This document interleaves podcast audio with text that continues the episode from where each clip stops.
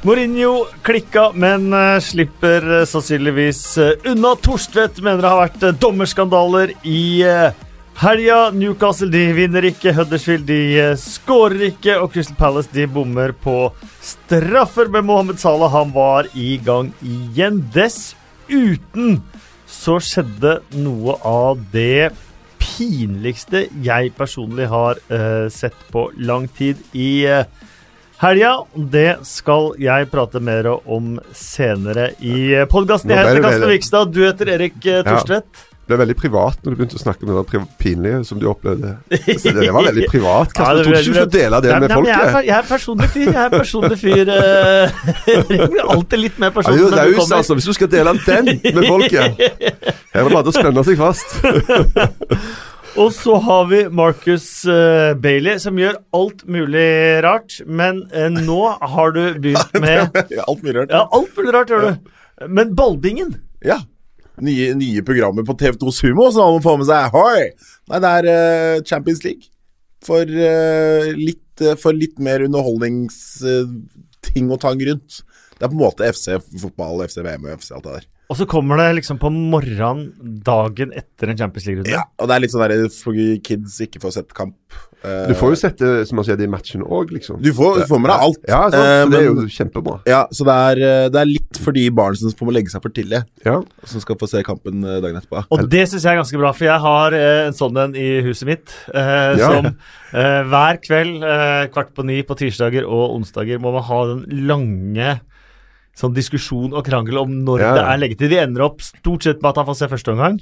Ja. Eh, men det er ikke sånn blide miner når det skal legges da i nei, nei. pausen og sånt noe. Så det er helt ideelt. Ja, er, jeg, tror, jeg, tror, det trengs. det er mange foreldre ute som Stort behov for det, faktisk. For det. Etter at jeg ble 55, så har kona mi òg begynt å insistere på at jeg må legge meg tidligere. Altså. Så dette er et veldig bra program for meg òg. men det er på TV2 Sumo? Ja. Får ja. sumo. Uh, hver gang det er Champions League, så er vi der og holder på. Og, du, og det kommer to forskjellige fra tirsdag og onsdag-runden? Ja. Å? Ja, ja. Vi sitter og durer på. Og i morgen hadde du Cristiano Ronaldo som gjest, var det det, eller? Eh, nei, han kommer neste uke, men ja. Um, han, han, han, ville gjerne, men du hadde ikke plass til ham? Ja, det, er, det er one man show. det er ikke noe plass til Cristiano. Vi begynner på Stamford Bridge. Chelsea eh, spilte 2-2 mot Manchester United. Dere kan velge. Skal vi eh, begynne med match, eller skal vi begynne med slutten? Begynner med matchen, sier jeg. Begynner med match. Ja, kul match. Kul match. Det er jo liksom hovedgreia, da, syns jeg. At det var en, eh, en bra kamp.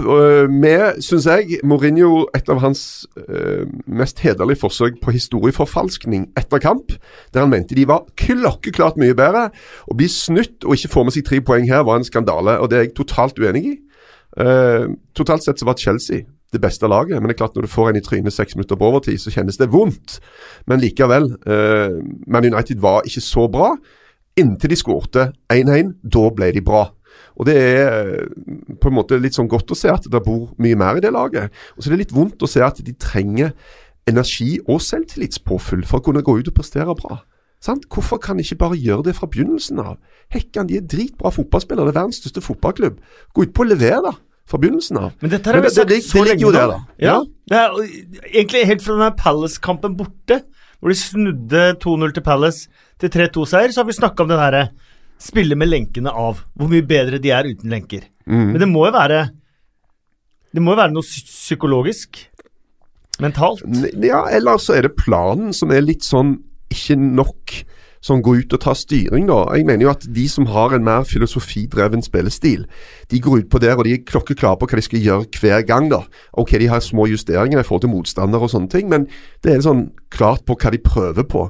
Og United er litt mer sånn gå ut på og liksom ta, ta litt sånn grep om kampen litt sånn etter hvert. Få det styrt inn i sin greie, og så greie på en eller annen måte å vinne dette her. Men det er mye, mye vanskeligere å se hva, de egentlig, hva, hva er greia? Hva prøver de på? Hva er, hva er spillestilen? Hvordan prøver de å vinne den matchen? Men Er det fordi at Mourinho er, eh, i motsetning til mange andre, langt mer opptatt av en kampplan eh, med tanke på hvem som er motstanderen. At man først skal demme opp for motstanderen, deretter eget spill. Og når man da ligger under med ett eller to mål, så må man måtte pumpe på med eget spill. Han har jo alltid vært kanskje den mest pragmatiske treneren i forhold, og vært dritbra på det. Og det må vi jo få fram. Han har vært så sykt bra på å kunne lese motstander, lese kamp, sette opp ting sånn så han får vridd det i sin retning. Du kan jo bare sjekke eh, premieskapet. Det er smekkfullt. Men nå tror jeg faktisk at utviklingen har gått i den retningen at noen andre har blitt veldig, veldig gode på eh, den filosofien, den spillestilen, det som sitter sånn i fibrene på spillerne, at de vet dønn hva de skal gjøre hver sabla gang, og de går ut på å på en måte storme på da. Eh, og Hvis Man United skulle greie å ta igjen eh, Cities, som var såpass langt foran forrige sesong Ok, de starter begge fra null, men, men da mener jeg at du må være mye mer på framfoten. da. Jeg mener Du må gå mye mer utpå der og bare ta tak i det umiddelbart. Fordi, for de andre kommer til å ta så mye poeng. Altså City kommer til å gjøre det, Liverpool kommer til å gjøre det. Ikke City Liverpool City tar 100 poeng, men de kommer til å ta mange poeng. Og da blir du bak, når du ikke kan gå utpå der og vinne nesten hver gang. Og Med Uniteds spillestil så er det for mange kamper som glir ut mellom fingrene på dem, og som de ikke greier å få tre poeng i. De er for lite eh, dynamiske. De er for, litt for avventende. Jeg syns du ser det igjen og igjen og igjen fra starten på kamper, og så skjer det et eller annet som snur det, og så trer det United som finnes der, så trer de fram, og så greier de å bli mye bedre. Men hvis du ikke har det fra begynnelsen av, og hvis det ikke er noe som sitter på grunnlag av det som er gjort på treningsfeltet, så blir det for få poeng. Nå ble jeg meg så var deppa, jeg, på alle Manchester United-fans sine vegne. Det var dystert å høre. Det var vondt, det var, det var dypt. Jo, jo men, men igjen, altså du skal ikke spole så sabla langt tilbake. To år før det sto poka to pokaler. Europaligaen, ligacupen vant de. Og forrige sesong det og eneste som, Community Shield. De, tre, de, hadde, de hadde tre fingre i og, været og det eneste som ødela forrige sesong, var jo egentlig at de tapte FA-cupfinalen mot Chelsea. Hadde de vunnet den, så kunne Mourinho bare sagt vet du hva, altså, dere kan klage så mye dere vil, men se pokalene som jeg henter til klubben. Og den, det tapet der, den reiv litt, da. Den, den var en sånn skiftenøkkel inni maskineriet, maskineriet. Og denne sesongen så er det jo heller altså De er allerede langt bak. De er ni poeng bak. altså. Det er mye etter ni kamper. Eh, Juan Mata, fantastisk å se uh, han. Eh, og det lå jo i kortet at han skulle spille. Lagoppstillingen til Manchester United ble jo lekket igjen for andre gang denne sesongen på sosiale medier. Egentlig før spillerne nesten hadde fått eh, vite, vite laget, men eh, Ja, Da må det være Mourinho da som lekker. Ja, da, han, skal, han skal fall finne ut hvem det er. Eh, men han, eh, Det betyr jo at Chelsea visste at Mata skulle spille. Likevel så var Mata kanskje en av kampens store profiler. Ja, men han er jo Han stiller jo opp når han vil, han. Og Mata. Han er en deilig spiller, han. Fantastisk, og fantastisk den derre ta, ta, takke av på Stafford Bridge, for hele Stafford Bridge reiser seg og, og applauderer. Ja, det er, det er fint. Men det er litt sånn men det er øyeblikk. Litt gøy. De applauderer Wamata, så sier de 'fuck off Mourinho'. Det er jo noe litt rart over det. Wamata har ikke vunnet noe trofé for Chelsea. Nei, men, men, men, eh, men uh, Mourinho er bare en kontroversiell fyr. Mata er omtrent så langt vekk fra en kontroversiell fyr som det går an å komme. Altså, altså Du vil jo bare ta han på kneet og stryke han litt på ryggen. Altså, det, Ta han på kneet! Ja, ikke ta han på hans kne, men sette han på kneet. ja, dere er to meter begge to. Mata jeg er mer i jevnstørrelse. Ja, Mata på ene kne og Kasper på andre. Det var koselig, liksom. Ja, Det var veldig koselig. Vi må se på det som skjedde på slutten her, for eh, det kom 2-2, seks minutter på overtid. Eh, Ross eh, Barkley, produser, gjør jobben sin, filmer José Mourinho. Så ser vi at det går noe grått forbi bildet José Mourinho, og så ser vi Mourinho klikke fullstendig. Det var noe deilig macho over måten han spratt opp av den stolen på, altså. Åh, jeg, jeg, jeg, Han ble nesten litt ja. så slørete i blikket Ja, det var helt vilt. Men uh, jeg, jeg syns det er litt synd at han ikke fikk tak i han at utenfor Altså, Mourinho fikk nesten bank av Arsene Wenger en gang. Seriøst, altså. Og jeg tror han hadde liksom sånn fyka opp og skikkelig macho, så uh, Så det bare en sånn handshake. Så blir det bare sånn uh, Når han liksom tar han igjen, så blir det bare en handshake. Men ja, Han var litt den der klassiske den der på byen sånn Hold meg igjen, Hold meg igjen, hold meg igjen. Ja, men eh, jeg syns jo det var stas. Jeg må innrømme det. Aha. Vi hadde jo sånn liten diskusjon i studio, men er dette god underholdning? Og ja, jeg vil jo Ja. si det. Ja. Det er det.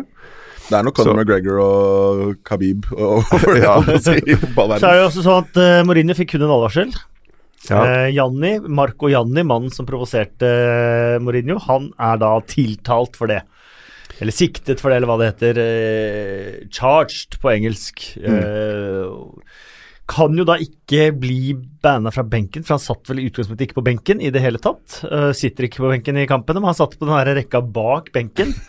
Men han kan få en stadium ban, uh, eller han kan uh, få en bot. Eh, Phil Neville mener at eh, Sarri bare skulle sparke han på direkten. Eh, José Mourinho mener at Janni bare gjorde en feil, eh, og at det må tilgis. Og at han er ferdig med saken. Jeg syns, eh, Mourinho har vært veldig overbærende i etterkant her, med Marco Janni som var inne på kontoret der og sa unnskyld og sikkert booket eh, pent og sånn, men Mourinho også på pressekonferansen foran eh, matchen mot Juventus var veldig på at dette må også folk se at Janni må få beholde jobben og at man er ferdig med situasjonen. Ja, Det var ikke så farlig. Det bare tente litt over. Men Det er det, var, jo- det, det var respektløst, men allikevel så er det sånn Det har jo Men jeg vet Det ikke, kan sa, skje, sa han noe, eller var det bare at han sprang foran benken og jubla? Han sprang Ja, han Sa han noe? han, det vet jeg ikke. Nei, det, det, er, Og det er jo mye verre, Ja. hvis han sier noe. For han har jo tok en tur-retur med, med jubel der. Ja, Ja, men, eh, men hvis du slenger drit i tillegg Og jeg, jeg tenker jo, når jeg så at han spratt opp, så virker det som om han hørte et eller annet. det kom en ja. Så, men når dette først skjedde, så syns jeg det har blitt forbilledlig løst. Mm. Både av Sarri, av Mourinho og Janni og hele gjengen. Jeg syns jo egentlig at hvis det er noen som kommer ut av det greit, så er det Mourinho. Fordi at eh, han eh, får jo straff, han Janni, men Mourinho får bare en slags advarsel. Hvis det var noen som holdt på å starte en riot her, så var det jo Mourinho og Ja. hans reaksjon. Sant?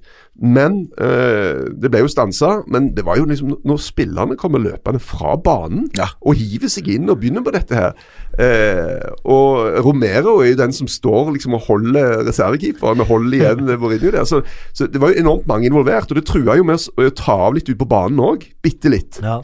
Så, men totalt sett eh, Gøy å se, og forbilledlig løst. altså, Det er et morsomt bilde på Instagram hvor du ser akkurat det bildet hvor han står og feirer foran Mourinho. Og da ser du alle spillerne stå og ser opp på, ser opp på treneren. Og så, Bortsett fra Marcus Rojo, som bare Ja. ser nistill på Mourinho. Bare, Bare, Hva kommer til å skje nå? nå? Ja. Du ser hele han er så stressa. Bare sånn, oh, oh, nei, nei, nei, nei, nei, dette går ikke. Det er fantastisk, Det det er bildet. helt nydelig. Uh, Ian Wright skriver eh, så jeg at uh, Janne antageligvis har gjort eh, Mourinho en tjeneste, fordi Mourinho har kommet så godt ut av det i etterkant og fått mye sympati i etterkant av dette her. Ja, det kan være det, altså. Uh, på samme måte som uh, det var en del sånn når han fikk så veldig veldig mye drit, så var det sånn at uh, noen tenker at ok, nå er det nok. Og han greide jo det når det hang litt i tauene resultatmessig, å få en enda bedre connection med fansen enn det han har hatt tidligere. På den måten at han på en måte blottla seg litt, gikk skrøyta av fansen, gikk rundt, tok seg ekstra tid til fansen og sånne ting. Så um, Sånn sett så har han eh, egentlig kommet ganske bra fra det. Men det er jo litt Når han begynner å snakke om uh, utdannelse og hvordan du skal oppføre deg og sånn, så er det jo et par episoder vi kan spole tilbake til i Mourinhos karriere, da. Det er Men det. Jeg fair så, enough. jeg så spesielt den på Camp Nou, den var eh, hvor han løper ut med fingeren i været. Rundt på, han dekker hver en kvadratmeter på den gress, eh, gressmatta. Victor Valdez prøver å, prøver å roe han eh, ned, men han sier jo det også. Jeg har gjort eh, feil selv òg, som denne Marco Janni.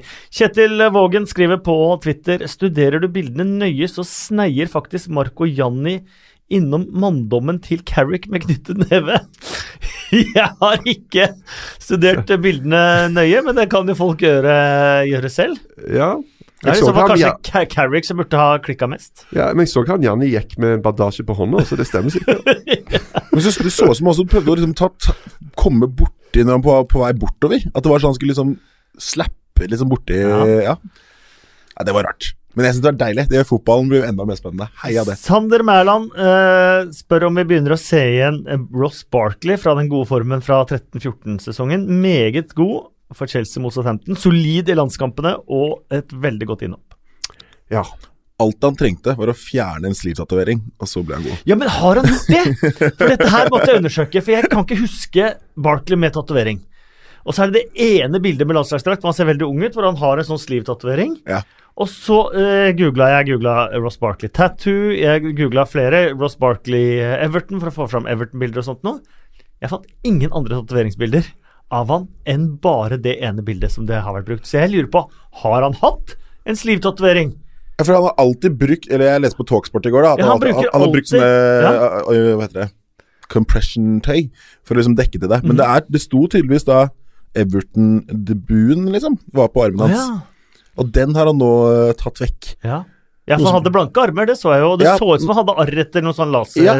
Jeg tror Men jeg- det var fjernt der. Men du tar vekk en sliv er en stor jobb, altså. Ja, det tror jeg er ganske stor jobb. Ja. Det tror jeg er ganske stor jobb. Kanskje det er der energien har ligget siden 2014, og nå Ja. er han endelig ferdig, så da kan han spille fotball igjen. Men det, jeg syns det er stas, nå, for at han har jo spillere som ikke bare får kritikk for å spille dårlig, men blir latterliggjort for å være fullstendig ræva.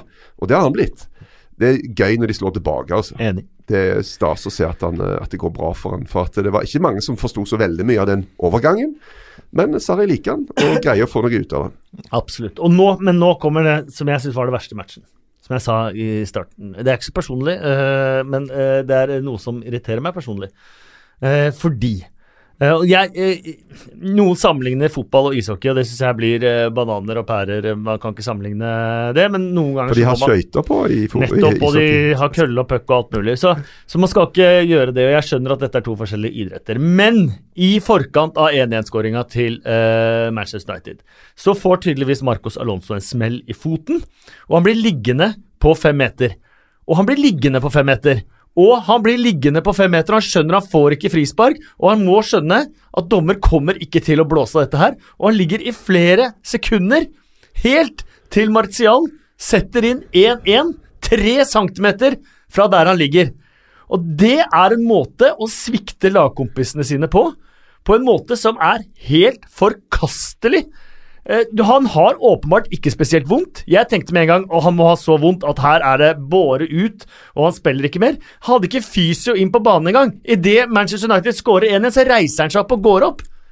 Han blir altså liggende istedenfor å prøve å vinne ballen. Han blir liggende istedenfor å prøve å blokkere skuddet fra Martial. Han bare ligger der livløs fordi han syns synd på seg sjøl og venter på at Mark Dean skal blåse. Jeg syns det er det, noe av det verste jeg har sett. Når du veit F.eks. i hockey, folk som får brekt ribbein av å blokkere ett skudd, reiser seg opp og får neste skudd i kne, og reiser seg opp og tar imot ett skudd til, gjerne i ansiktet, for at eh, motstanderen ikke skal score. Og så ligger han der, som tjener over 100 000 pund i uka. Han ligger der som et slakt og bare lar motstanderen score. Jeg mener, Hvis han kunne se en eneste lagkompis i øya etter matchen, så blir jeg overraska. Jeg hadde vært så skuffa hvis jeg hadde vært lagkompisen hans. Og dette dreier seg ikke om filming eller, eller at man ligger og faker skade eller noe annet. Dette dreier seg rett og slett om én ting, og det er å svikte de ti andre på banen. Vet du hvorfor, vet du Jeg er så enig. vet du- vet du det var deilig, det var skulle- deilig tirade. Jeg likte det. Men vet du hvorfor vi skulle komme i dag, Markus? Var det noe point, egentlig? At meg og deg er her? Kan ikke bare gi alt til makten Til Kasper? Den var, den var, den var lang, Den var, ja. den var fin! Ja. Men det, jeg, var, jeg, var altså så, jeg var altså så sint da jeg så den matchen. her. Altså, Men du- jeg, jeg, har ikke noe, jeg har ikke noe sånn personlig grunn til å være indignert, for jeg holder ikke med noen av disse lagene her. Men hadde jeg vært Chelsea-fan, jeg hadde ikke tillit. Men jeg vil utfordre deg. unnskyldning. Vis meg det hockeyklippet der en spiller får tre skudd etter hverandre, det siste i trynet. Vet du hva, Det fins. Det fins. Det tror jeg, Ok, det, det. det tror jeg jaggu var eh, jeg tror, og det jeg tror var en av de store store stjernene, og det var ikke en av de som i utgangspunktet skal ta skudd i kroppen. Men det ligger et YouTube-klipp som er helt fantastisk, med en spiller som tar Yeah, right. tre skudd Men hockey ikke hockey det, Uansett så er jo det Alonso gjorde, helt tullete. Helt Men du, jeg tenkte på en ting etterpå. idiotisk. Hvis han, hvis han først skulle gjøre det han gjorde, så burde han i hvert fall holdt seg til hodet. Ja. For hadde han gjort det, så hadde jo dommeren blåst av. Men han kan ikke ligge der bare som ingenting. Altså, Å holdt seg til hodet hadde jo vært juks. Det hadde, det, juks. det hadde vært juks. Så uh, da, da kunne vi slakte han for det òg. Ja, men da kunne du slakte han for juks og ja. filming og alt det der. Ja, Slakter ja. folk for hele tiden. Men det å svikte laget sitt på den måten, det er sjelden du ser, altså. Men hva, hva, hvorfor fikk han så veldig vondt? det var bare så, han Han lå der så lenge. han blir lenge. tråkka på i starten her, da, at han Ja. skal ha frispark for det. Det kan godt hende han skal ha frispark òg, det har jeg ikke sett nøye nok. Men det også er jo irrelevant. Men det hadde vært utrolig gøy å vært inni skallen hans mens han lå der. Ja.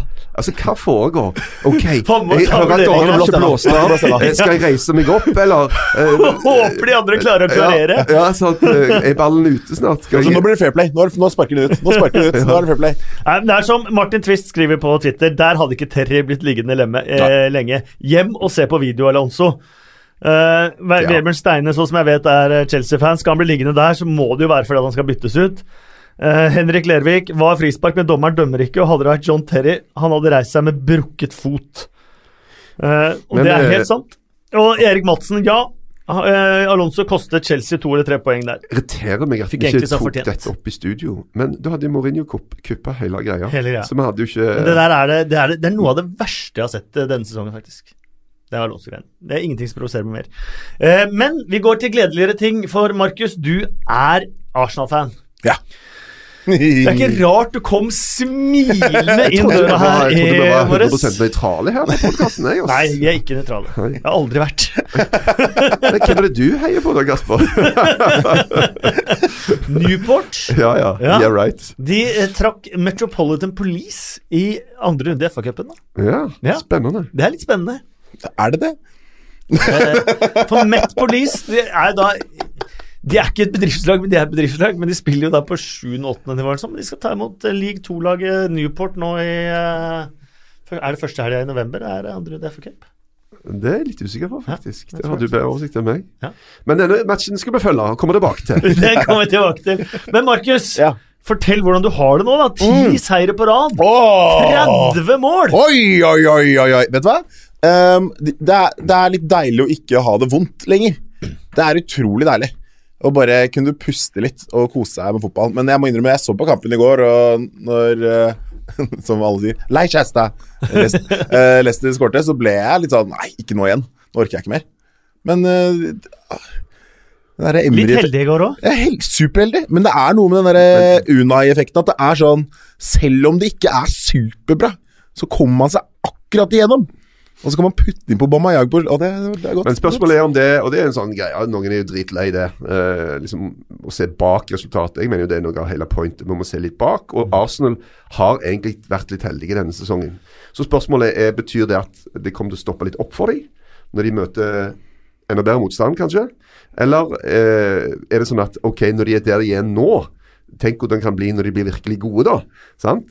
Så Ja, og så tenk, jeg tenker litt på altså, det, Helt åpenbart flaks hjemme mot Everton. Eh, mange, mange av de kampene hvor de eh, motstanderne kanskje har hatt flere sjanser enn en, en de har. Men samtidig så har de jo også de kampene funnet fram til en målskårer eller to som har avgjort matchene Ja, ja. til deres fordel. da. altså, når du kan ha Aubameyang på benken Altså Det sier jo litt, da. Ganske Og jeg mener det er jo Ok, noen vil si at ja, men det er helt supert. Eh, Se hva som har skjedd i de kampene her. Han kom innpå og avgjør. Jeg tenker han må vel få starte nå. Altså, det ser jo mye, mye bedre ut med han på banen. Altså, Jeg, jeg var også helt uh, overrasket da han, ikke han starter, men jeg, jeg vet ikke. Så lenge det funker, så jeg, skal ikke jeg si noe. Jeg kom til en punkt med Emil at jeg bare sånn, vet du hva, jeg er ikke alltid enig i liksom, lagoppstillingen og hva han sier, men greit. Nei, så lenge men- det funker. men det, det er liksom intern gruppedynamikk òg, da. Selv om Lacassette og Aubameyang har hatt en veldig sånn uh, bromance-greie, så tenker jeg at hvis du skårer så mye mål som det Aubameyang gjør, og likevel ikke får, får spille fra start, så gjør det jo kanskje noe med deg, det òg. Du bør jo få, du bør jo få bli, bli belønna for gode prestasjoner. Men er det fordi vi har i gang Mkhitaryan? Ja, for han er jo ikke Altså, Mkhitaryan er ikke i gang. Helt ærlig, helt ærlig altså, jeg lurer på om Mkhitaryan er bra nok. Altså, Er han egentlig god nok? Altså, Han var veldig bra i Dortmund og sånt, men han funka jo Falt ikke. litt gjennom mot Gibraltar. Ja, ikke minst. altså, han er jo en kjempebra fotballspiller, men de har så mange gode tall. Ja, Det er stusslig. Når han går av banen etter å ha tatt mot Gibraltar. For et syn, oss. Ja, det Herregud. er vondt. Ja, men nei, han øh, Kanskje. Hvem vet? Men øh, akkurat nå så er ikke Mkhitaryan god nok, og det, det er bare vondt å se på. Så øh, vil jeg hylle det klokkeklart vakreste målet som er skåret i Premier League denne sesongen. Det siste der, ja. Det var Arsenals Åh. siste mål mot uh, Leicester. Altså, det er bare så sykt fint. Og jeg driter oppi sånne som klinker på heil volley i krysset for 30 meter. Det kommer ikke opp mot sånne type mål, der ting bare er totalt på skinner.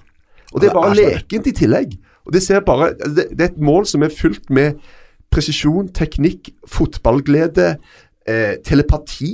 Omtrent alt på en gang. Altså. Det er helt, og det at liksom, kaptein Øsil uh, også fått det mistet litt, altså, at han får det til, det er så Han ser deilig. helt vanvittig ut nå. Han, han er, det er helt vilt! Det er ikke ofte man gir tiere på børsen, men det syns jeg han fortjener. Han var helt vill. Så vi får se da, hva, hvordan det går. Jeg, jeg, jeg har ikke, jeg, selv om jeg er Arsenal-sporter og er superfornøyd, så må jeg innrømme at jeg, jeg greier ikke å ta av. For jeg vet at det kommer en smell snart. Og det Liverpool kommer på besøk om ikke altfor lenge, Ja. det blir jo en høyinteressant kamp nå, da.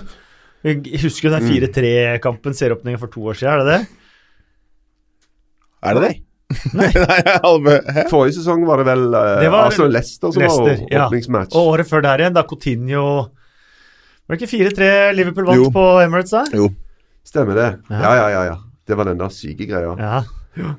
Så du mener at vi får noe lignende? Det er det vi prøver å si. Vi har potensial til å få noe lignende. Det hadde vært veldig, veldig gøy. Men det starter jo da med at eh, for det første at Leicester tar ledelsen. For det andre at eh, Rob Holding har en kjempehens der. eh, som burde vært eh, blåst i straffe. Og et litt underspilt poeng. Da hadde antakeligvis Holding fått sitt andre gule kort. For han fikk sitt første rett før. Det kunne gitt en annen kamp. Ja.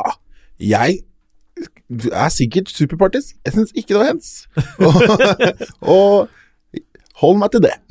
Ja, men, men Det skal du få lov til. Og det er en liten arm fra Leicester-spilleren der ja, i det er forkant. Og, Ja. og absolutt. der, du ser av og til sånne totalt umotiverte greier når en eller annen fyr, gjerne en litt lenger fram på banen, går opp med armen og bare tar ballen eh, på et innlegg inne i feltet. Og Det skjer av og til. og Du tenker hva i all verden var det? Men i dette tilfellet så er det jo to armer som på en måte kommer litt sånn i kontakt. Og da tror jeg at armen til Leicester-spilleren lett påvirker Rob Holding sin arm, da. Som gjør at dette blir faktisk hens. Mm. Jeg tror det, det går an å se det på den måten òg. Det går an å se på det. Men du ville gitt straffe. Ja, jeg tror det, altså. Ja.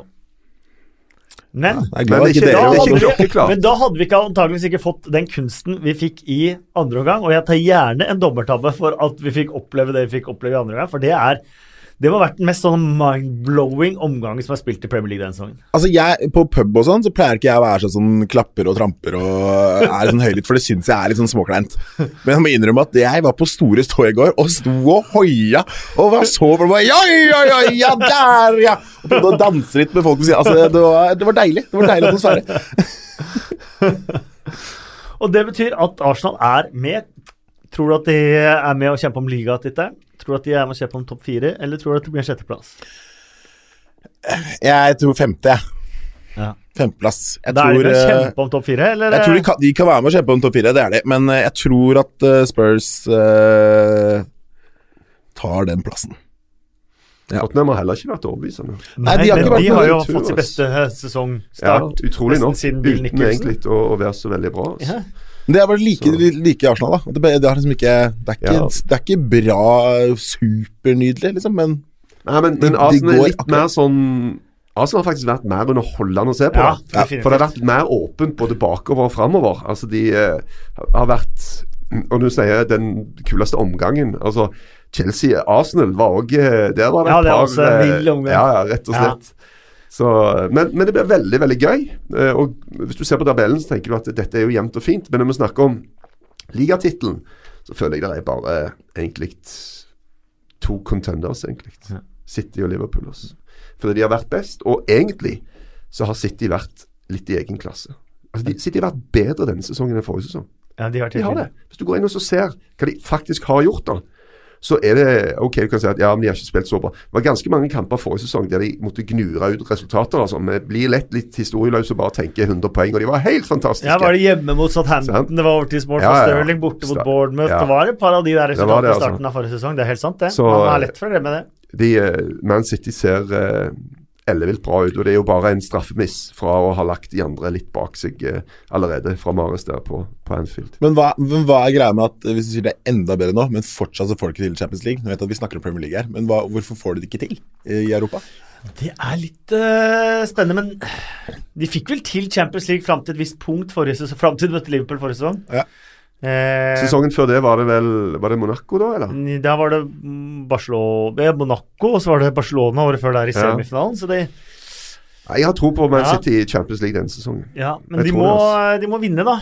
Eh, det er flere av, de klubbene, er som, det? flere av de klubbene som nå har jo kniven på strupen, Mm. egentlig, av de engelske, engelske lagene. Vi kan Skal vi gå til Westham Tottenham eller Manchester City Burnley først? Eh, Man City, vi snakker jo litt om Man City. Det var det da. vi gjorde. Så Um, det da noen... kan vi ta uh, utgangspunktet. Det var 5-0 til Man City. Company burde vært utvist etter 35 sekunder. Ja, Det men, kunne kanskje gitt en annen kamp. men jeg mener Når du ser dette i reprise fra alle mulige vinkler i sakte kino, så ser du ja.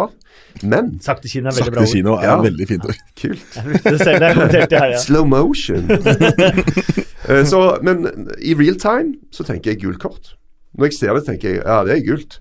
Og så ser du på ny, og, og dom, må gi dommeren litt slack, da. Ja. Jeg tenker at eh, det var eh, naturlig for han å gi gult kort. Eh, og Sean Dyche, eh, han De intervjuene hans, altså Hver, etter hver kamp! Det er helt sykt. Slakter etter hver Det kamp! er jo, altså, det er jo helt latter. Vi har tapt 5-0. Avslutninger på mål 10-0. Og så skal du henge deg opp i at dommeren var ræva. Nei, Så det- slutt opp. Men han vinner jo også. Dommeren var ræva, spiller uavgjort. Ja. Dommeren var ræva, dommeren er alltid ræva. Det er Ja. alltid nøkkelsituasjoner. Og han er faktisk også ifølge seg selv den eneste i hele engelsk fotball som er opptatt av filming. Ja. ja. Men vi kan ta det. Eh, Jeg mener jo fortsatt samme som deg. eh, Manchester City hadde vunnet den kampen om titten Tei hadde dømt. Det er det liksom ingen tvil om. Og om Kompon har blitt utvist eller ikke.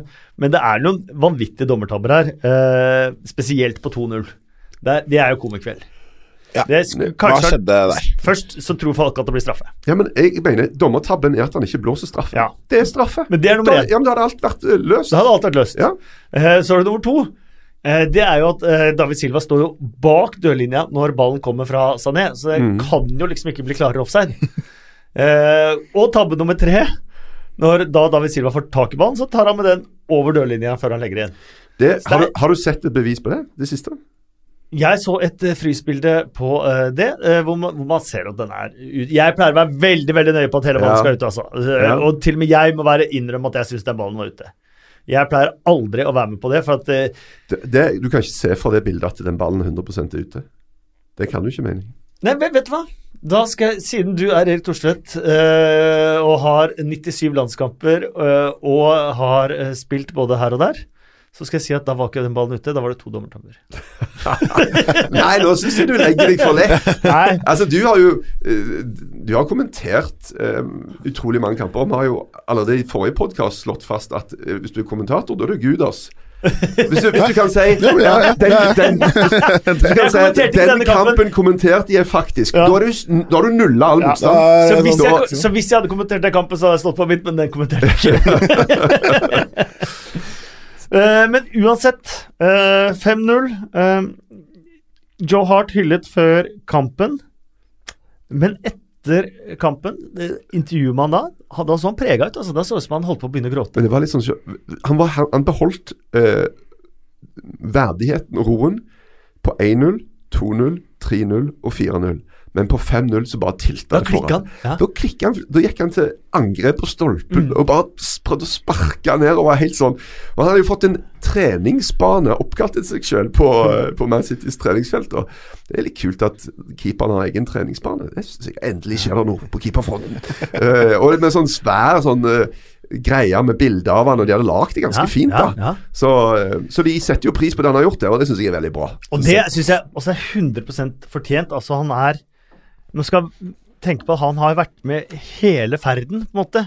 Fra de thailandske eierne som eh, prøvde helt til det kulminerte i første ligagullet siden 60-tallet, og, og hele veien, og vært en sånn mainstay Manchester City, hvor det aldri har vært noe tvil om hvor hjertet hans har, har ligget. Så det, det syns jeg er 100 fortjent. Men Og, og Han er jo litt i Ross Barkley-klassen, føler jeg, da. Fra å være hylla som Mm. en veldig veldig bra spiller, til å bli latterliggjort. Og det syns jeg er Det fortjener han pigget ikke, altså. nei, helt Han har spilt en av de beste kampene jeg noen gang har sett av en keeper. Det var borte mot Barcelona Mm. i eh, Champions League. Barcelona var alene med han ni ganger. Han redda åtte, slapp inn én. Mm. Det var bare helt sykt, altså. Messi ja, fire ganger bare han, altså. Så, Men ble hyllesten litt nedlatende med tanke på at han kom der fra Burnley og etter hvert slapp inn fem mål, eller er det Følte på at det var hyllesten hans tilbake ved å slippe inn fem. Og så var Ja, men sånn man kunne, man kunne ikke hylla en, en, en motstander hvis motstanden var reell, hvis du skjønner hva jeg mener? ja. Mm. Det er sånn Oi, som min- det, ja. Min store, min store helt når jeg vokste opp, uh, han sto i mål på Viking, het Erik Johannessen. Var med å vinne fire gull på rad på 70-tallet. Da sto jeg der og heia som en uh, liten unge. Og hans siste kamp for Viking, og han har spilt mange mange hundre kamper, altså, var borte mot Brann i Bergen. Siste kamp for sesongen. Brann vinner 9-1. Etter kampen så tar Brann-spillerne og bærer han rundt på gullstol rundt på stadion. Ja. Og det er definisjonen på blanda følelser. Ja. Veldig fint gjort, men du har nettopp sluppet inn ni mål. Så litt sånn Ja. Ja, Jeg håper de hadde gjort det selv om Viking hadde vunnet. Det hadde jo vært dritkult. Sant? Mm. Men eh, da, da vinner Manchester City også eh, 5-0. Eh, Bill Edgar kan jo da eh, melde Vi kommer til Bill Edgar-spalten etter hvert, men kan da ta med det mens eh, vi var her, at Manchester City nå har skåret fem mål eller flere 27 ganger i en engelsk kamp eh, siden Manchester United gjorde det samme sist. Å, dæven. Seriøst? Seriøst. Wow. Nei, den Det var, var eh, den var drøy. Den er drøy. Det er sjukt! Det er Ja, det eh, Det er litt kult at det faktisk sitter folk som greier å finne ut sånne ting som dette her. Altså. Og nå, nå sitter det mange som hører på og bare er helt knust. Bare sånn Nei, nå greier jeg ikke å gå på jobb akkurat da. men er dette inkludert trening og sånt, eller? Ja, det er også feil med seg ut på trening. Ja. Du skårer ikke fem der heller.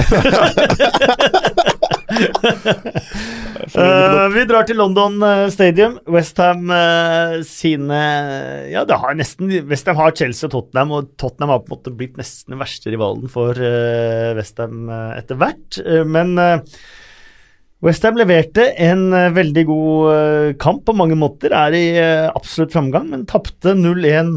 Eh, første ligastart for Erik Lamela, men hans tredje Premier League-skåring for sesongen. Mm. Han viste litt det da han skåra, at jeg heter Lamela. Ja. Pekte på ryggen. ja. Jeg var med fan Heia Sissoko! Assist på Sissoko! Det syns jeg var deilig. Jeg synes det er så flott når han får til ting. Det gjorde han virkelig òg. Ja, virkelig! Ja. ja. Åh, Han er eh, et enigma. Sissoko, ja. En, en gåte Eller inni Lamela. et mysterium. Begge Eh, to. Nei, jeg tenker mest på Sissoko. Ja. Lamela er jo personifiseringen av stilen til Pochettino. Altså, han er jo Uh, denne jaginga og, og denne enorme når, når Lamela kom, så tenkte vi jo at uh, han er bra med ball og alt dette her, men det er jo først og fremst som førsteforsvarer han er nummer én. Han er jo som ei bikkje som bare biter seg fast. Jager, jager, jager hele veien. Og det, det er jo det du vil ha i det systemet. Men jeg syns ikke han var Pochettino-mann eh, første sesongen eller to.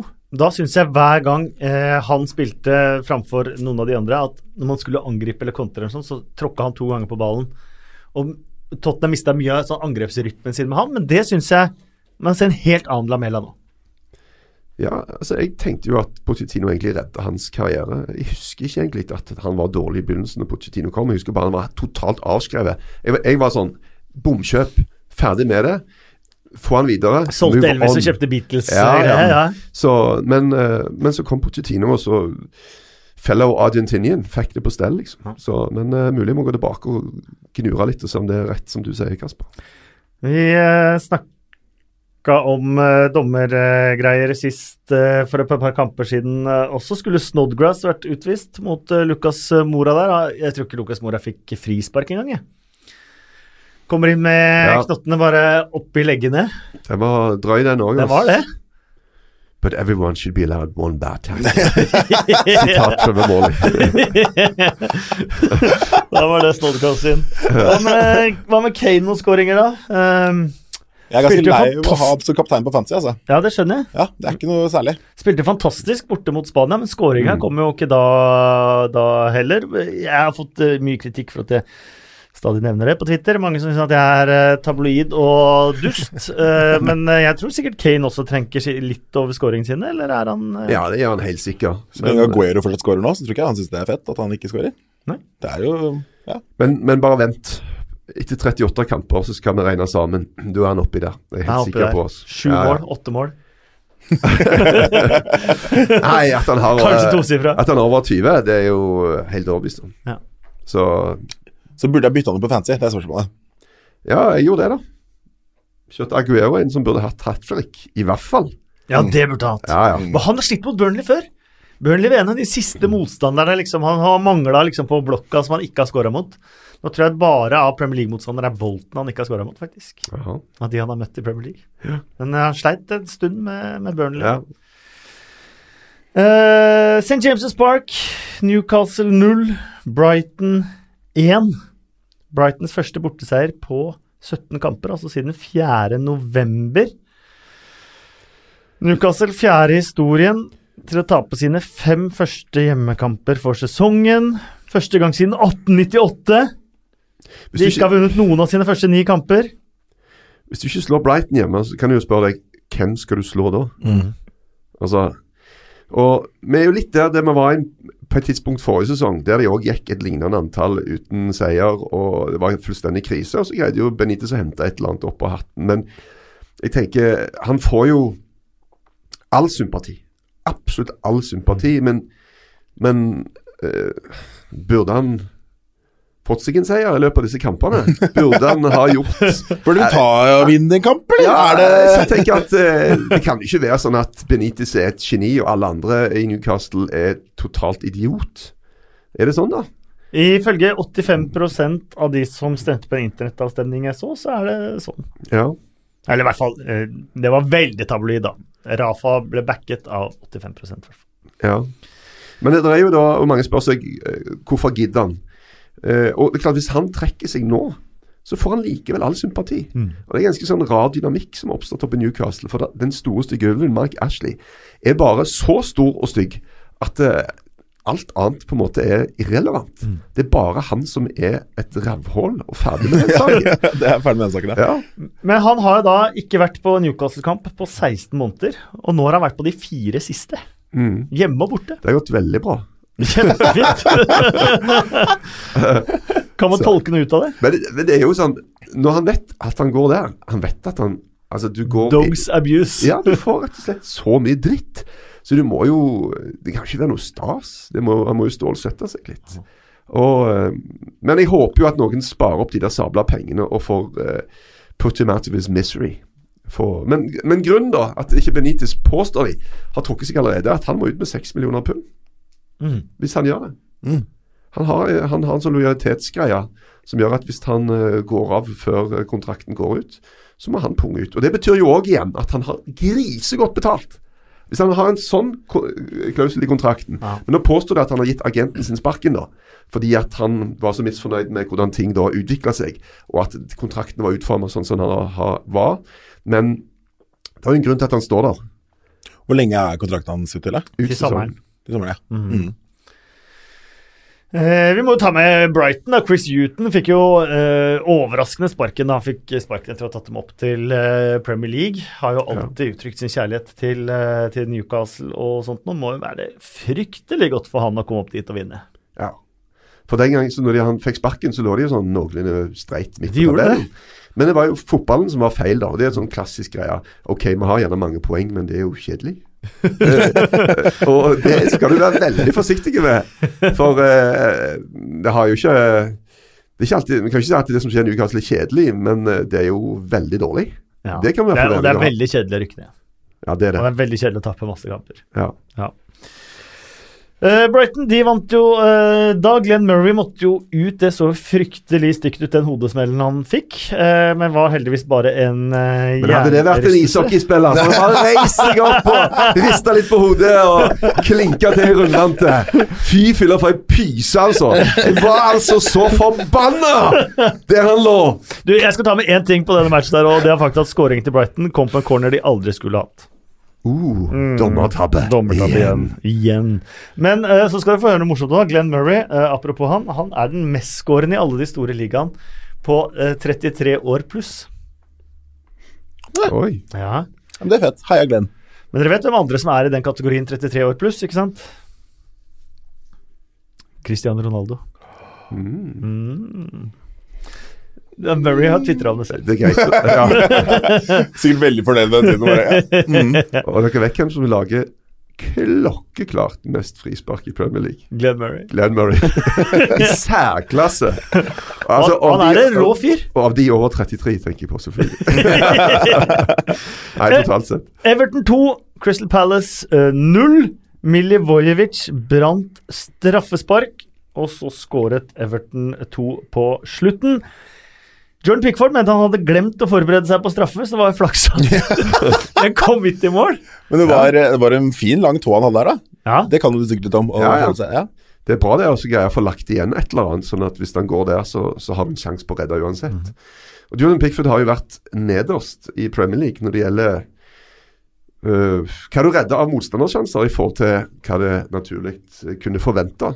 Så han har sånn, hvis du sier det veldig tabloid, da, som noen beskylder deg for å være, øh, har jeg sett på Twitter. Ja, de Kasper. Men uh, være, Jeg liker altså, å være litt tabloid. ja, at han, altså, han har vært den dårligste, da. Eh, Det er jo selvfølgelig helt feil å fremstille det sånn, men han hadde litt å gå på i forhold til redninger, og det får han hente seg bra opp når det straffer, da. For den er det altså 0,70 Altså det er 79% sjanse for scoring. Og folk snakker likevel om 100% sjanser når Ja. straffe er en 79 sjanse, så da eh, burde den eh, debatten ligge død. André Gomez spilte sin første kamp siden 17. april. Hvis de klarer å finne Valencia-varianten av André Gomez, så har de jo fått seg en fantastisk eh, spiller. Og Jeremina på benken. Da begynner det å lysne litt. Og Bernard i er godt slag. Han er så kul. Ja. 1,32 høy.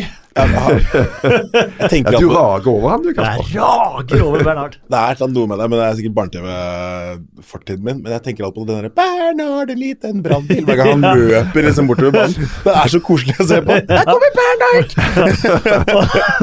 Og han er jo en fantastisk fin fotballspiller òg, da. Ja. Den der assisten han hadde mot eh, Leicester, Ja. ja. viser han jo Vakkert. Ja.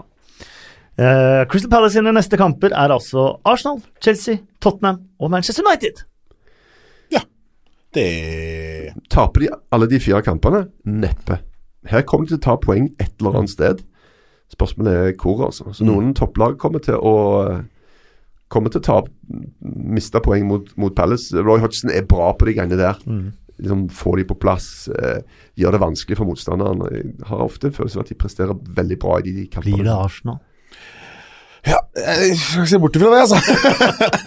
Faktisk. Det er uh Det er typisk at uh, Wilfried Saha bare er helt plutselig helt vill. Da må Hennessy stenge igjen beina. Det er pinlig. Det Ja. siste målet til Tosen der. Bare klinker, og så går han mellom beina. Altså. Det Men den- føler du ganske teit som keeper. Altså. Pasningen til Keane Kane, Igjen, Keane, Keane. der? Ja. De- Den, den Ja. er ingen som snakket om den. Den var jo helt vill. Ja, men han gjør det bra sjøl òg, for at han har langt fram til målet der. Eh, så han må jo på en måte dytte han akkurat riktig i steget. Ja, for han er ikke verdens raskeste, raskeste mann, Jenk Cenk Tosen. Huddersfield 0, Liverpool 1. Eh, Mohammed Salah skåret målet for Liverpool, men her kommer jo dommerskandalen. Men jeg ser at du har vært veldig hard på at det var en reell skandale at Huddersfield fikk eh, annullert dette målet som eh, for offside. Not. altså, jeg, sånn Jeg syns det altså, Vi kan ikke fremstille det som en tabbe. Det er et bilde. Hvis du fryser det, så ser du at fire centimeter av hælen til van Dijk er innafor. Altså så var det onside. Men resten av kroppen hans er på en måte på utsida av Huddersfield-angriperen. Og det, Da er det så marginalt at det, det, vi må konstatere det, så må vi gå videre. altså. Det der greiene der er Det er ikke en tabbe. Det er nesten helt umulig for linjemann få assistentdommeren å få det greiene der med seg. altså. Og så ser jeg at det er mange som argumenterer med at uh, men tvilen skal jo komme angripende lag til gode. Men jeg tror ikke do- assistentdommeren har vært i tvil. Nei, jeg har heller ikke vært i tvil. Nei. Jeg syns det var så klokkeklart ut som offside. Og du må jo dømme det du føler at det, det du ser, da. Og jeg tror nesten ingen hadde tatt det der som offside. For det er bare Det er så totalt marginalt. Mener Og skjer at- i bevegelse. Men- Så Men mener du at det hadde gått mot eh, litt spillets idé og offsidens idé om VAR hadde kommet inn og, og dømt en onside? Dømt han onside. Ja. Det er jo offside. Nei, unnskyld. Det er jo Det Kom rabla. det det. Ja, ja. Hvis VAR hadde Hvis- kommet inn her nå og, og sagt at det, og det sagt onside dette, dette Nei, er men- onside, det er mål, nei, hadde da- det brutt mot liksom litt av spillets idé og offsidens idé? Nei, det er jo onside. Jeg sa feil, beklager. Eh, Markus fikk sammenbrudd på sida. Altså. Det. Demensen har slått inn. Det er jo ikke offside, det er onside. Så VAR hadde jo da sannsynligvis, hvis de på bakrommet hadde gidda gått gjennom det og frøst det akkurat, så hadde de sannsynligvis brutt inn, da. Ja, men hadde det brutt litt mot spillets idé?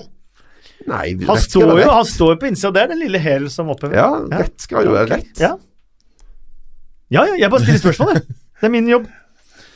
Eh, Men det er det som er fint med Kasper, at i tillegg til å stille spørsmål, så har du alle svarene òg. Det syns jeg er litt fint. Nei, men de holder jeg ofte inne med. det er det du gjør. Ja. Du legger bånd på deg, selv om du vet så mye mer enn alle andre som kommer inn på disse Ja, men podkastene. jeg kommenterte kampen.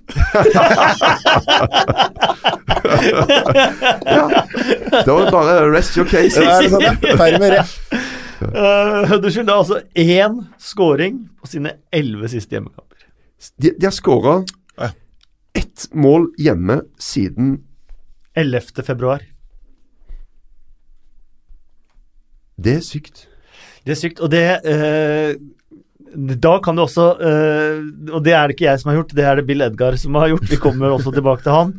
Men, eh, og ha, og det, den scoringen de har, kommer jo ikke innenfor 90. Den kom jo godt på overtid fra Tom Inns der. Det var jo fantastisk. Husker du maskotten som bare hadde gitt opp?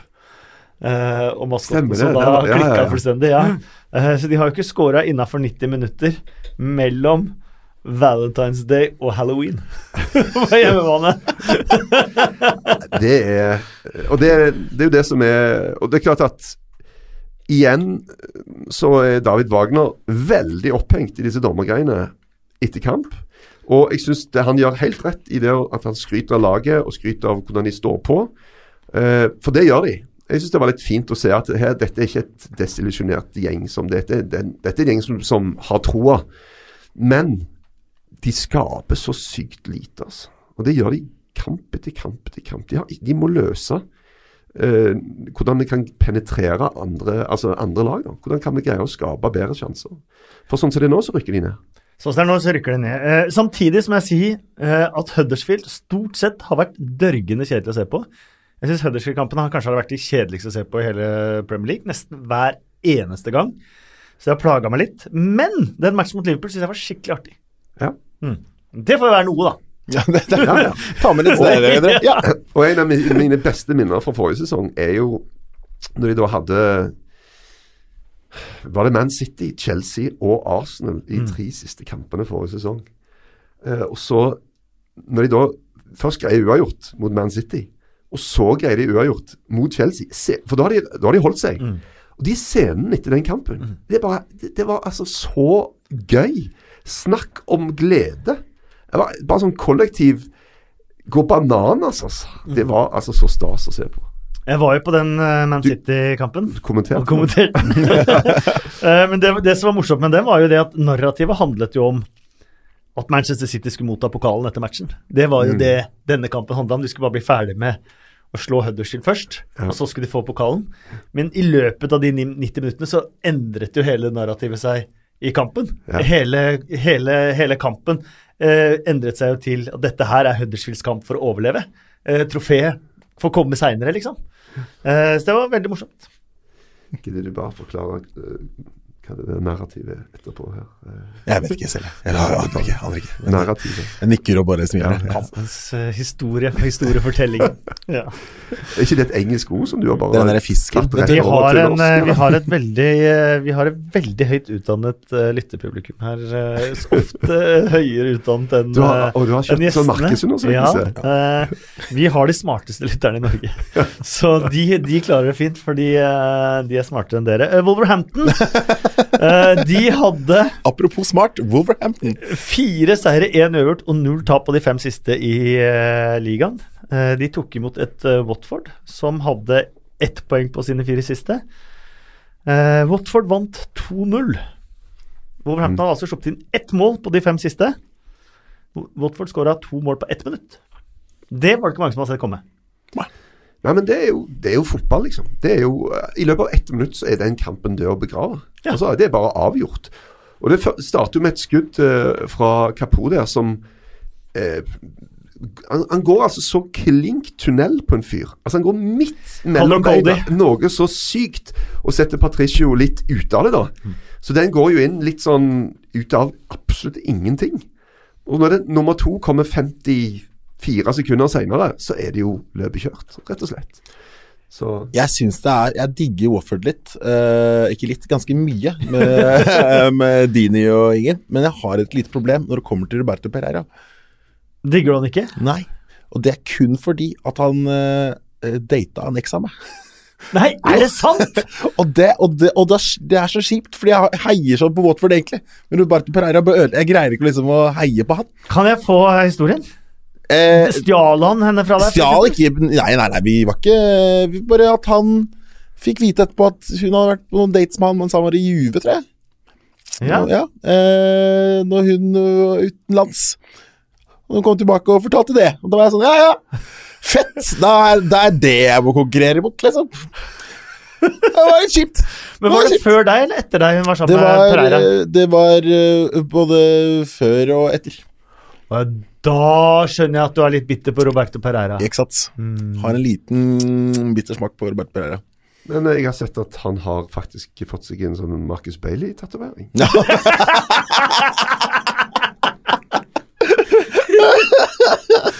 Så han, eh, han syns du er bra, da. Ja, men det er hyggelig. Det er, det er, Å, den var vill! Hva er Uh. Watford rykker da forbi Wolverhampton på tabellen.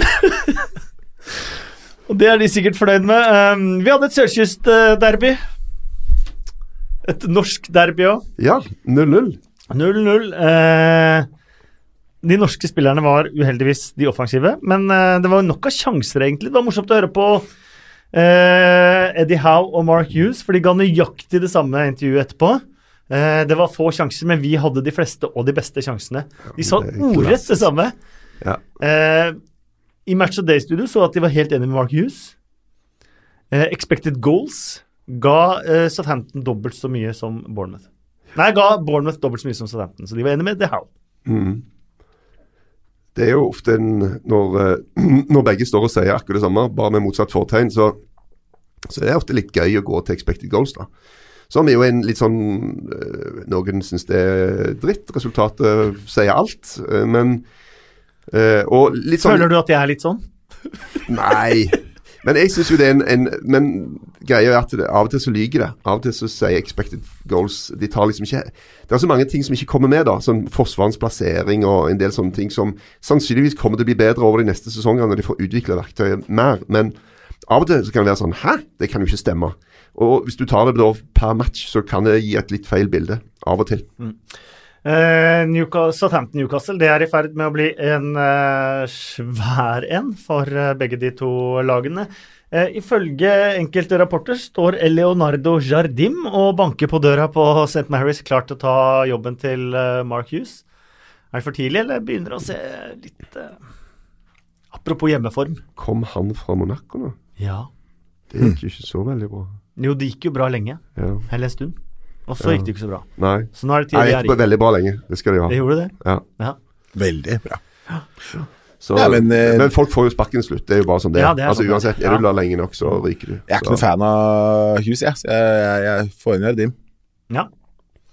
Uh, Ja, han er vel Jeg kan si det, for jeg kommenterte den kappen. Ingen har jo Ingen har jo fått sparken ennå. Det er òg litt interessant. Ja. For på denne, dette tidspunktet forrige sesong så var det jo flere som hadde gått. Ja. Både Koman var godt, og uh, De Boer var godt, og ja, det bor gikk veldig tidlig der. Ja, Ja. Det er sant. så Cardiff uh, Fulham.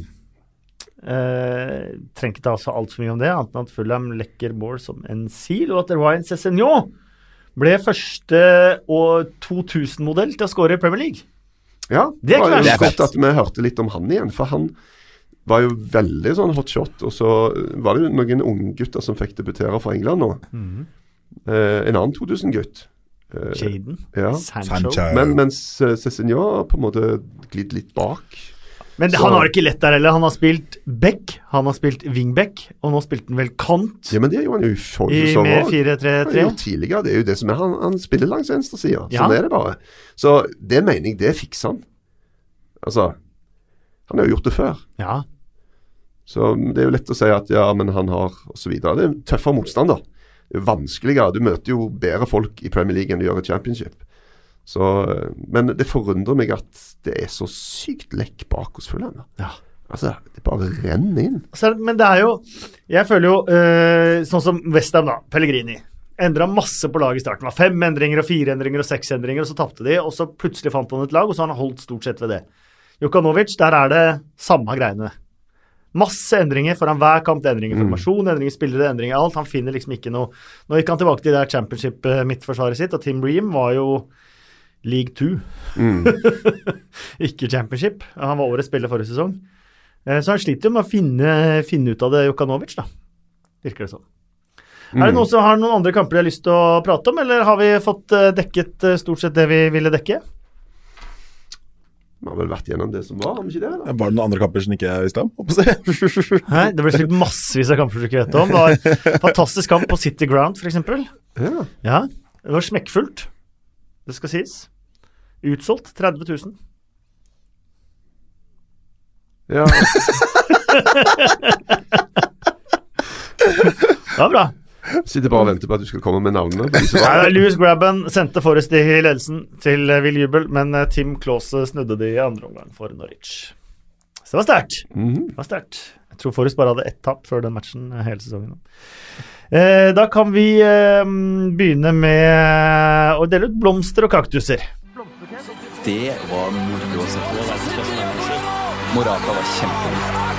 Hva i all verden? Det er lov å si hvor det provoserer meg. Han snakka ikke om seg sjæl, han snakka om dommeren. Ja, over til deg, Markus. Ukens eh, blomst, er det noen som har Vi kan eh, ta litt Twitter-forslag først. Ja. Høre om vi er enig. Eh, Einar Blokk Hansen jr. mener at uh, Lamela burde få den tilbake på sitt uh, beste. Arild eh, Strømmen, eh, jeg liker egentlig denne her. Blomst, kaktus, rundens øyeblikk, alle klink Mourinho. Jeg, har en kandidat, jeg, da, eh, som jeg vil gi han til. Eller vil du gå gjennom flere meldinger først? Uh, vi kan jo uh, se at både Alonso og Janni fortjener kaktus, ifølge Doy Nguyen. Uh, men syns faktisk Jonathan Moss og co. tar kaka på ren inkompetanse. Det var altså dømte Manchester City Burnley. Eh, Chris Berberg liker eh, hvordan man uttrykker seg her også. Eh, kaktus til han løken i trenerapparatet til Chelsea som provoserer Mourinho på en sjanseløs måte. Men han har jo fått så mye drit allerede. Han blir stående igjen altså, Han har ikke hatt det godt, altså. Seriøst. Han, han, han har hatt et par vonde dager. Så hvis han skal få en kaktus av oss i tillegg, så er jeg redd det blir for mye for Ja, er litt mye. så jeg vil gi en blomst, faktisk, til Øsil.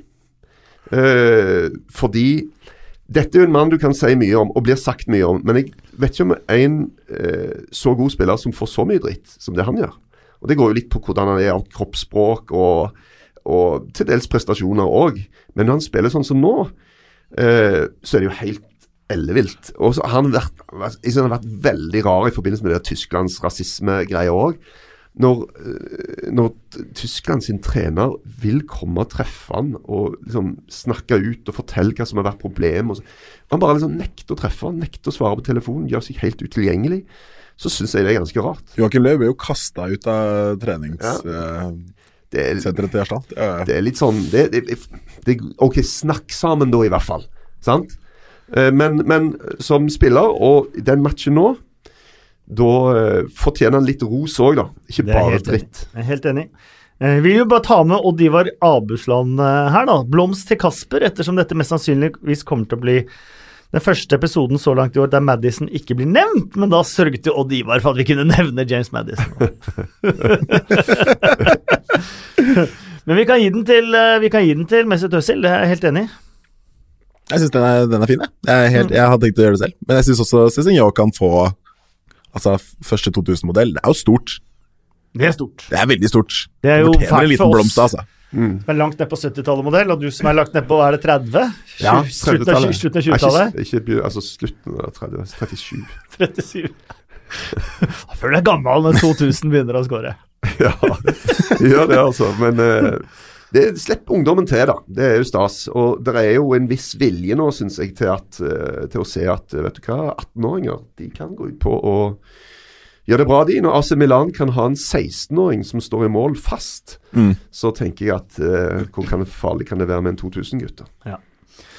Eh, til den ukjente helten så syns jeg faktisk Henrik Laursen eh, har et eh, godt innspill. Eh, Jermaine Defoe tatoverte jo sin hyllest til Bradley Lowry på armen uka som eh, gikk. Eh, Bradley Lowry var jo en eh, Sunderland-supporter, en eh, liten Ja. eh, gutt som var alvorlig syk, og som til slutt mm, døde, og det visste man jo at kom til å skje. På veien fram til det så var jo Jermaine Defoe en utrolig god venn av fem år gamle Bradley, Bradley Lowry, og det rørte jo veldig mange.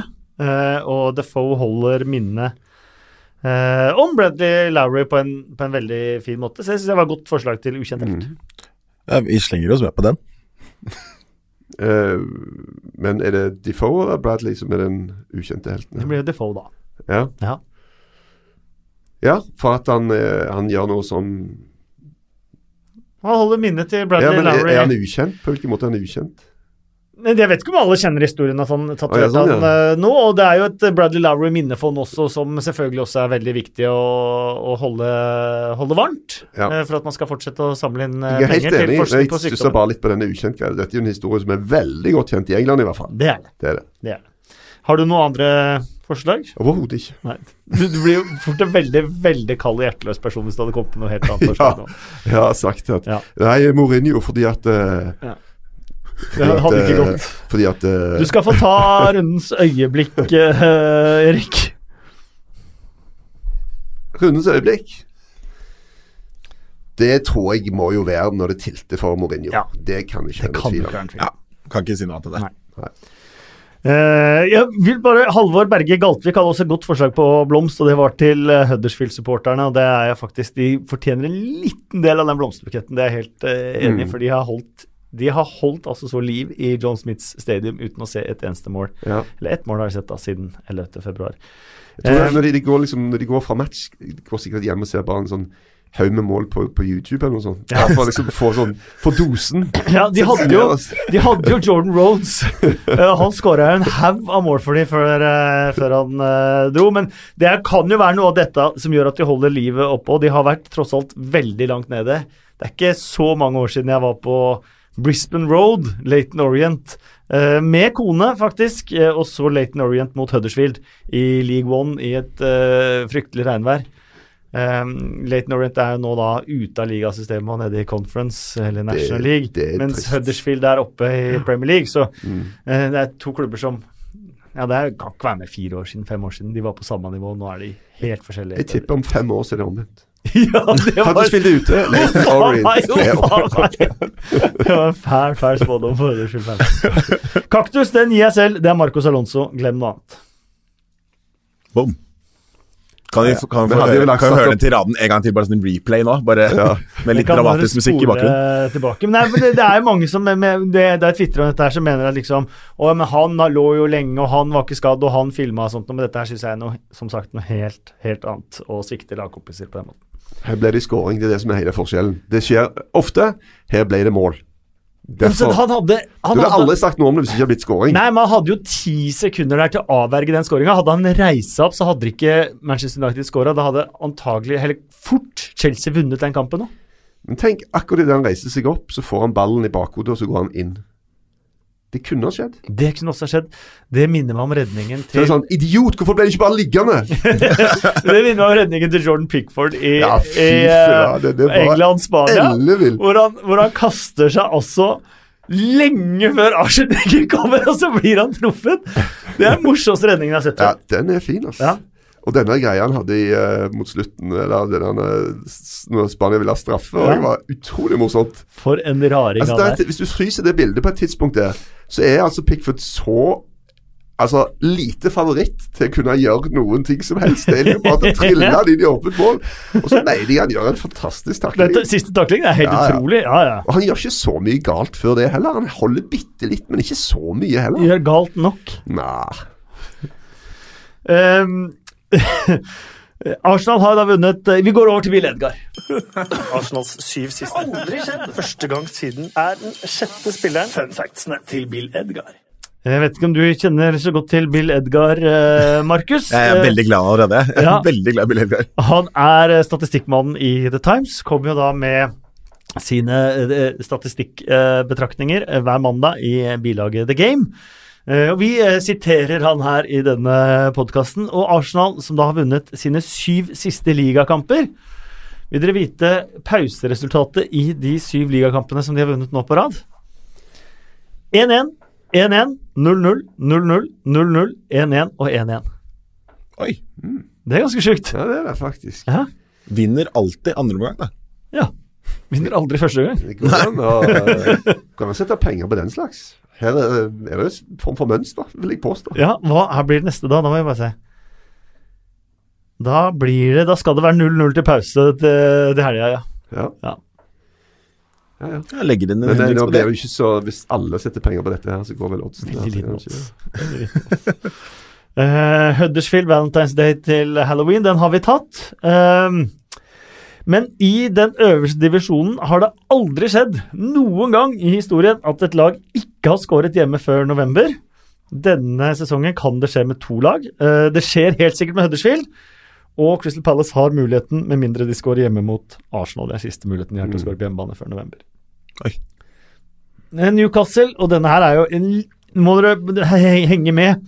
Eh, for Newcastle kan bli det første laget siden 1930 i den øverste divisjonen som går de ni første kampene uten å vinne, og heller ikke har en uavgjort med mål. Mm, De to uavgjortene de har, er 0-0. ok. Ja. Det blir veldig spissfindig her nå. Gjør det, vet du. Og så har vi eh, den eh, statistikken som kanskje ikke Manchester United vil at vi skal gjenta, at Manchester City altså har skåret minst fem mål i en engelsk klubbkamp 27 ganger siden sist Manchester United gjorde det Det er så sjukt! Det er så drøyt! Det er mange ganger. Ja, det, det, men det understreker òg liksom noe av det der greia som jeg prøvde å få fram innledningsvis i forhold til Man United. At de, de må gå ut og ta mer tak og liksom storme på fra begynnelsen, mener jeg. da. Ikke den avventende fotballen. For når du ser hva du er opp mot, da sant? Så skal, du, skal du toppe hele driten, så er det jo nesten ikke kjangs hvis du skal spille den type fotball, mener jeg. Jeg likte Christian Valen-referansen der. Toppa eller driten. Toppe ah, ja, det er ikke så Ja. Ja. Polsk fri, nå skal man litt polsk fri, ass. Det er to siddiser her, og en som skjønner alt siddisgreiene, og så er det meg. Ja, Ser du at Marcus uh, Bailey er siddis? Det det Nei, eh, Håkon som sitter Ja, her. du må jo forklare eh, det. Ja, Håkon eh, sitter her, men han har ikke mikrofon denne gangen. Han bare fikk mikrofon, så jeg får liksom ikke rukket fram noe til å spørre han eh, nå. Det tror jeg Håkon er veldig fornøyd med. Tommel opp. um, og Ross Barkleys utligning eh, mot Manchester United er den seneste scoring som har endret sluttresultatet i form av poengendring, som Manchester United har sluppet inn siden årtusenskiftet. Cardiff de skåra fire mål, og det er første gangen Neil Warnock leder et lag som skårer fire mål i den øverste divisjonen. 27 år etter at han ledet sin første kamp der som Notts County-manager. Det er hans femte sesong bare, da, siden han er i den øverste divisjonen. Har aldri skåra så mye som fire mål. Ehm, her er, den her er faktisk litt artig. Uh, det er den siste. Uh, mer enn halvparten av championship-kampene denne helgen hadde en Chelsea-spiller involvert. Oi! En som var på utland fra Chelsea. Uh, Blackburn Leeds hadde ikke noen Chelsea-spillere involvert i kampen, men de hadde tre Chelsea-spillere på benken totalt. Wow. Ja, det er litt wow. Det er uh... Og det verste er at du tenker at ok uh, At det er jo en måte å få fram På en måte teste hvem som er gode nok, da. Altså Du henter inn masse folk, så sender de litt rundt, så ser du hvem som flyter, og hvem som synker.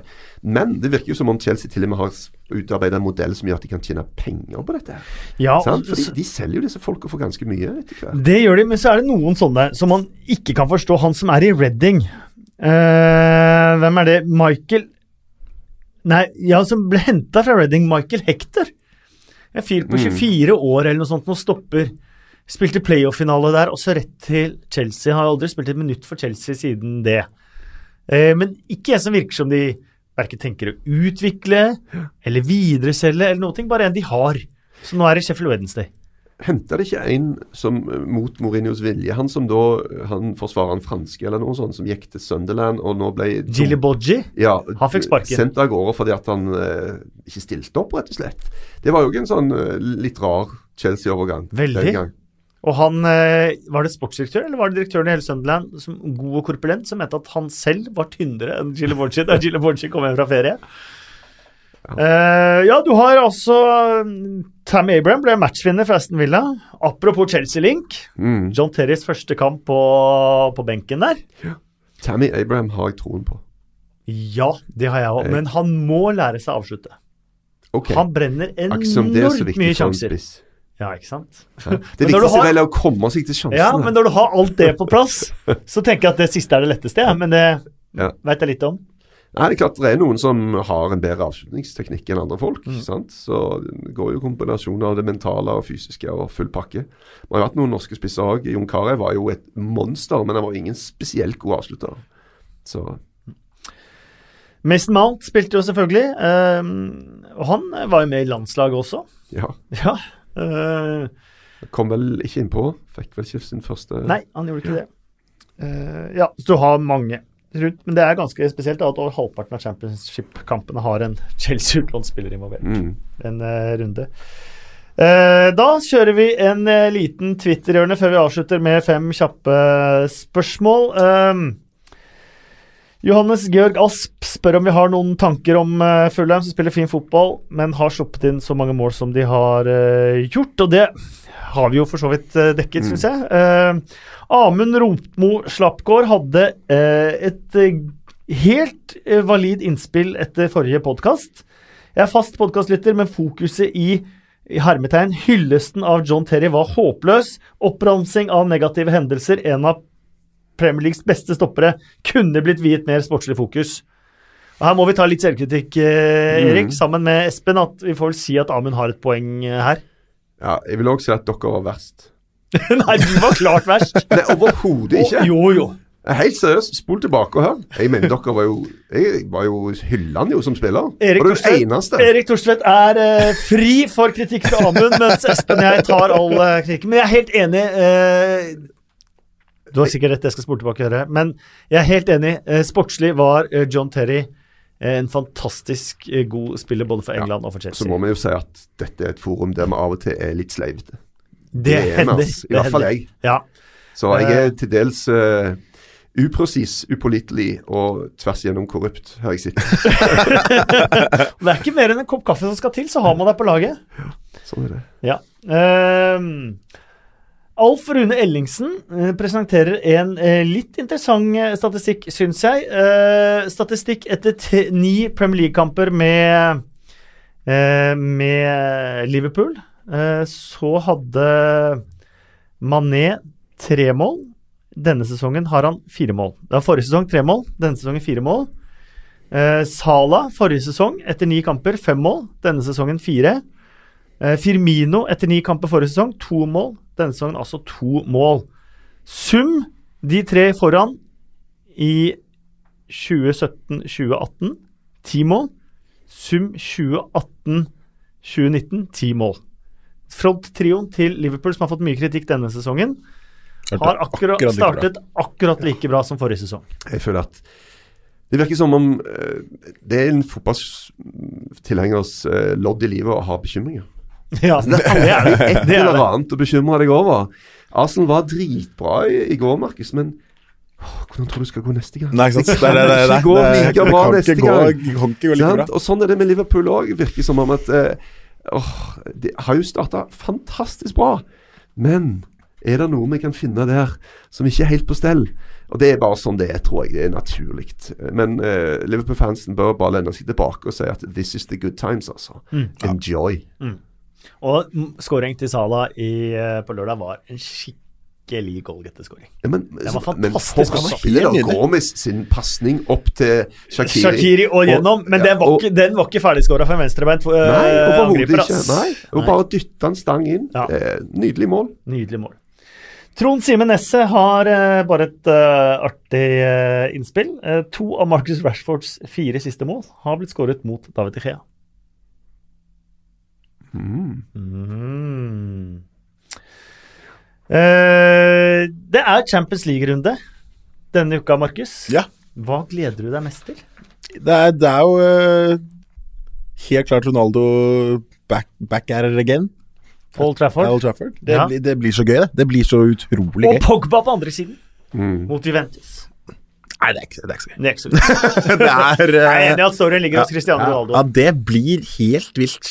Og der tror jeg han kommer til å pisse på Mourinho sånn uten like. Det blir helt Jeg tenker at altså, jeg føler dette er en kjempemulighet for United til å stå fram og gi et lite statement. Altså, alle tenker at Juventus- er jo fantastisk gode og suverene i Italia, og United henger litt i tauene. Er Juventus Altså, De har jo denne greia som de viste mot Tottenham, da. Men over to kamper, Juventus-Tottenham forrige sesong, så var jo Tottenham best i to og en halv time. Mm. Og Juventus var best i maks en halv. Ja. Ja. Men det var nok, det. Og det er helt fair. Sant? Men jeg mener dette er en sjanse for United. Altså. Hvis Mourinho tar, tar det nå, la oss si vinner 2-0 da, eller noe sånt på Old Trafford, så har jo da snur man det, på en måte. Det er, det er alt positivt. da. Det er alt greit. Eh, og så er det jo sånn at de engelske lagene samtlige har litt kniven på strupen. Tottenham kanskje spesielt. Eh, Ja, Manchester City tapte mot eh, Lyon. Shakhtar er sånn De skal slå om, de tapte mot Shakhtar forrige sesong. Da var riktignok Ja, ja. avansementet sikret. Jeg tror Shakhtar aldri har Eh. tapt hjemme mot engelske lag. Jeg tror ikke Du vinner ikke, du vinner ikke borte hos Shakhtar.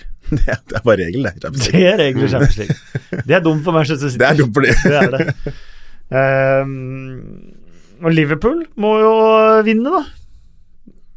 Jo da, men det er bra. Altså, det er ikke meningen at du skal cruise deg gjennom Champions League. Dette skal være det tøffeste av det tøffe. dette her. Det er, så det er gøy at de må slite for det. Men hvis du er bra nok, så greier du det. Litt usikker på om Tottenham greier det nå, greier det, men jeg er helt sikker på at City greier det. Da går vi over til fem kjappe spørsmål. Og den eh, fine overgangen vi har da er eh, Hvilke av de engelske lagene tar seg ikke videre i Champions League? Jeg må si eh, Tottenham, for de uh, ligger bakpå oss. Jeg sier ikke dette som Arsenal-sporter, men det er Tottenham. Ja, det minner litt om, om Champions League for hvor lenge siden er det? Tre sesonger siden, når de var så urdårlige. Ja, De hadde gjør det. sånn greie, var helt ræva. ass. Men jeg tror ikke City greier det heller, da. Jeg tror faktisk to, jeg tror både City og Tottenham ryker. Tror du City ryker? Nei, det er helt overbevist om de ikke gjør følelse. Fullstendig overbevist. Men City har Shakhtar, og de har uh, Hoffenheim og Lyon. Jeg har bare, ryker føl jeg den- har bare følelse. De ryker den gruppa der, så er det Det er sånn en stein på Guardiola sitt rulleblad. ass. Det mener jeg. Tror du han får sparken? Overhodet ikke. Men uh, den er ikke bra. ass. Eh, havner Arsenal topp fire? Jeg har så lyst til å si ja, men jeg kan ikke si det. Så jeg sier tja. Nei, det er ikke lov. Er det ikke lov? Jeg sier ja, da, for jeg vil ha håp. Ja. Ja, så er jeg nøyd da. Eh, hvor mye skyld må Rafa Benitez ta for den dårlige sesongstarten til Newcastle? Nei, I hvert fall noe, altså. Han kan ikke helt vaske sine hender og si at det har ingenting med meg å gjøre. Han er tross alt manager for det laget. Det er 50-50. 50-50. Ja. Hvem skårer først hjemme? Palace eller Huddersfield? Palace. Palace. Neste gang. Det er begge like overbevist om. Mange Fem- fem, mål. um, og siste spørsmål. Hvem er Englands beste venstreback? For det må jo være den Mm. posisjonen de har uh, best Ja. på på veldig, veldig lenge. Ja. I tillegg til Rolls, Shaw og Chilwell, som har spilt i siste landskamp, så har de i tillegg Ryan Burton. Mhm. Jeg vil si uh, Akkurat nå så vil jeg si Chilwell, faktisk. Ja, Men, Han var men, helt eh, vill i går òg. Danny Rose var best på banen da han spilte sin forrige landskamp uh, mot Var det Sveits? Kroatia? Nei, det Nei, det var. Chilwell som spilte, ja. Han var best Ja. mot, mot Sveits på hjemmebane. Sveits, ja. Stemmer det. Ja, Da ble, fikk han bestemannsprisen. ja, så, For øvrig, kampen Chilwell debuterte for England på sin egen hjemmebane. På King Power Stadium. Ja.